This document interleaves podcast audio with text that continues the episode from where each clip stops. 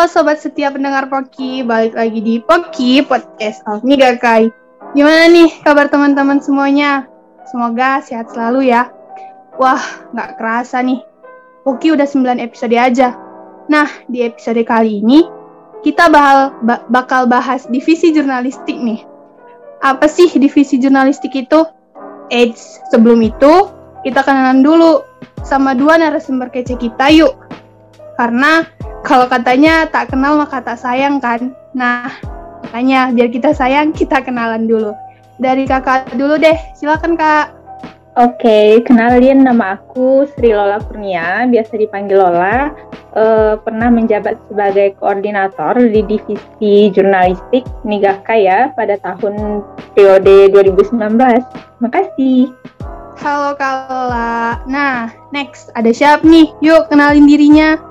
Halo semuanya, kenalin nama aku Salmi Ramadhani, biasa dipanggil Salmi atau Ami, uh, yang alhamdulillah uh, menjabat sebagai koordinator jurnalistik pada tahun 2021. Salam kenal semua. Halo Salmi. Nah, kita udah kenalan nih sama Kak Lola dan Salmi. Selanjutnya, kita sesi kepo-kepo yuk. Para pendengar Poki pasti pada penasaran nih, divisi jurnalistik itu apa sih? Jadi boleh dikasih tahu nggak Salmi divisi jurnalistik itu apa? Oke, okay, uh, eh, aku jelasin secara singkat dulu deh. Uh, divisi jurnalistik ini adalah divisi yang di mana sebagai wadah untuk teman-teman dari uh, setelah Jepang uh, khususnya untuk menyalurkan bakat-bakatnya dalam bidang kepenulisan. Nantinya kita akan menjadi wadah yang mana akan mempublikasikan karya-karya dari teman-teman semuanya. Selain itu juga kita nanti um, me membuat seperti mading, buletin yang berkaitan dengan kegiatan-kegiatan yang uh, dilaksanakan di ruang lingkup sastra Jepang. Oke, tadi Salmi udah jelasin nih divisi jurnalistik itu apa teman-teman semuanya. Next, Biasanya di setiap divisi, divisi itu pasti ada koordinatornya kan, atau biasa disingkat koor deh. Uh, Salmi, aku mau nanya dong, kenapa mau jadi koor jurnalistik? Um, kalau dari aku sendiri, awalnya itu memang ditawarkan kan, diamanahkan untuk menjadi koordinator dan ya untuk mencoba juga kan, mencoba hal baru, menjadi seorang koordinator kan, jadi ya jadi pengalaman juga terus kebetulan aku juga tertarik sama um, dunia kepenulisan seperti menulis uh, menulis cerpen, menulis artikel dan yang dan sebagainya. Jadi merasa um, memiliki kemampuan untuk untuk menata itu semua di jurnalistik ini gitu. Jadi mungkin karena itu sih uh, aku pengen jadi koordinator Oke, berarti salah satu alasannya yaitu karena ketertarikan. Nah, buat Kak Lola sendiri, gimana nih Kak rasanya jadi koor jurnalistik? Gimana ya, asik sih yang berada di divisi jurnalistik, terutama karena aku sendiri lumayan tertarik gitu kan sama dunia jurnalistik. Terus ditambah dengan anggota, kan kita punya anggota tuh di divisi yang mana kita kerja sama sama mereka dan alhamdulillahnya mereka juga uh, kooperatif gitu ya, mau menolong, ngasih ide, pokoknya asik deh kerja sama sama mereka. Jadi nambah-nambah selain nambah uh, apa namanya uh, pengalaman juga nambah-nambah kemampuan kita yang lain dalam bidang soft skill kan. Jadi ya gitu nikmatin kan asik gitu. Benar banget kak. Biasanya kalau kita memang benar-benar tertarik, pasti kita bakal uh, asik di divisi itu ya kak. Nah, nah terus Iya kak. Nah, buat perbandingan proker yang sebelumnya dengan yang sekarang, kalau di masa kakak, prokernya kalau boleh tahu apa aja sih kak? Kalau di masa kakak tuh sebelumnya juga itu kan ngelanjutin dari divisi sebelumnya dan di tahun kakak kebetulan di tahun 2019 yang divisi jurnalistik ini lumayan banyak nih ngeluarin program-program baru contohnya kayak kegiatan bedah buku itu kan pertama tuh di, di tahun 2019 terus uh, sama grup sharing kepenulisan sama proyek pembukuan karya itu alhamdulillah di masa tahun 2019 terus yang kalau ngelanjutin yang sebelumnya itu kan ada mading ada buletin terus ada pekan dunia goresan juga gitu Oke kak, terus ada perbedaan nggak Salmi? Proker Salmi sekarang sama proker Kak Lola sebelumnya? Um, mungkin sama juga dengan uh, di periode Kak Lola dan periode setelah Kak Lola juga kan. Uh, periode yang tahun 2021 juga melanjutkan proker dari periode sebelumnya. Cuman ada beberapa yang ditambah yang baru seperti workshop, workshop menulis cerpen itu baru pertama kali di tahun 2021. Terus uh, yang baru juga ada podcast yang terbit tiap minggu, eh tiap bulan, sorry tiap bulan. Uh, biju dari jurnalistik itu yang baru sih kalau yang yang dari periode sebelumnya sama juga buletin, mading, sama pekan dunia goresan itu sih yang yang masih terus berlanjut Terus ada beda film juga yang dilanjutkan dari tahun 2020. Hmm, oke, okay. berarti di setiap pengurusan selalu ada proker baru ya. Nah, tadi udah dijelasin juga nih proker-prokernya baik itu dari Kak Lola ataupun Salmi. Aku tadi ada dengar soal proker Pekan Dunia Goresan nih. Bisa dijelasin nggak Kak Lola, Pekan Dunia Goresan itu apa?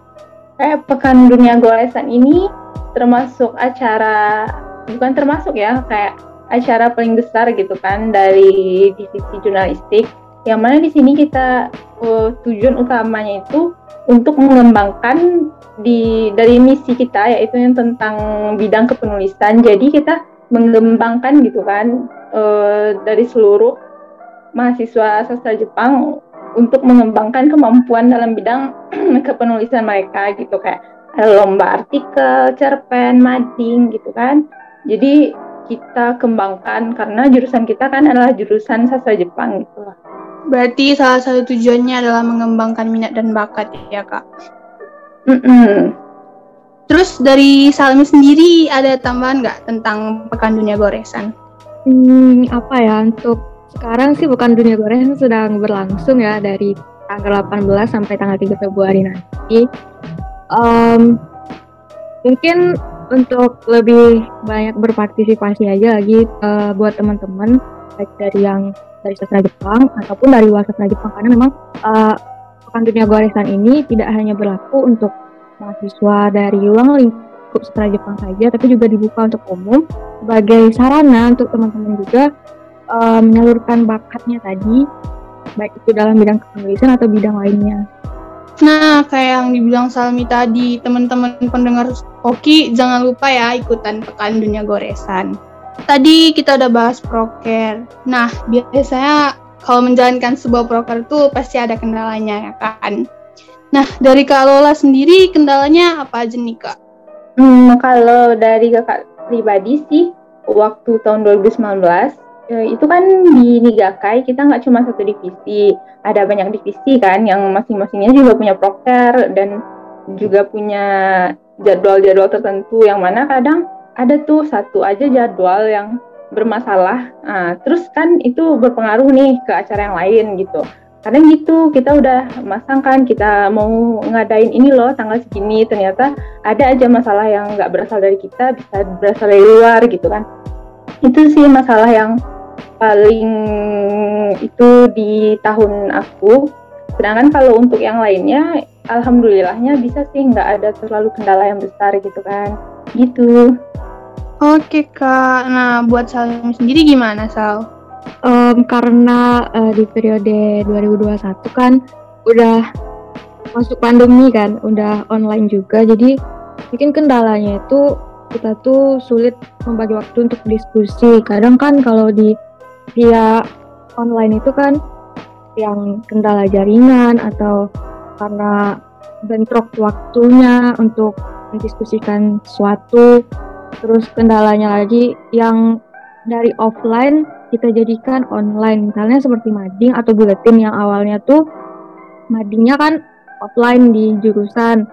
Nah dipindahkan ke online. Jadi teman-teman semua itu harus bisa ngedit, harus bisa desain gitu. Jadi uh, gimana supaya mading itu bisa dibaca secara online dan bisa menarik juga.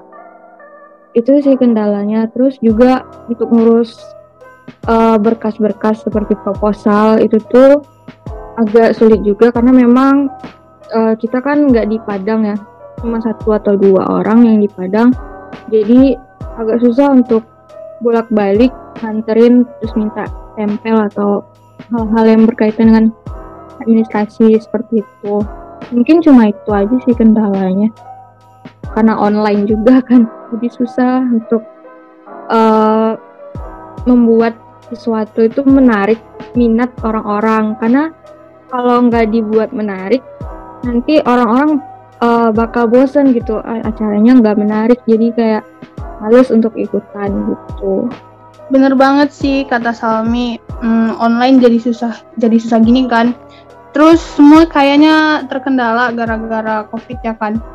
Uh, semoga covid cepet hilang deh biar kita bisa berkegiatan kayak biasa lagi amin amin berhubung Salmi sebagai koor jurnalistik sekarang dan Kak Lola sebagai koor sebelumnya ada pesan nggak yang mau disampaikan Kak buat Salmi?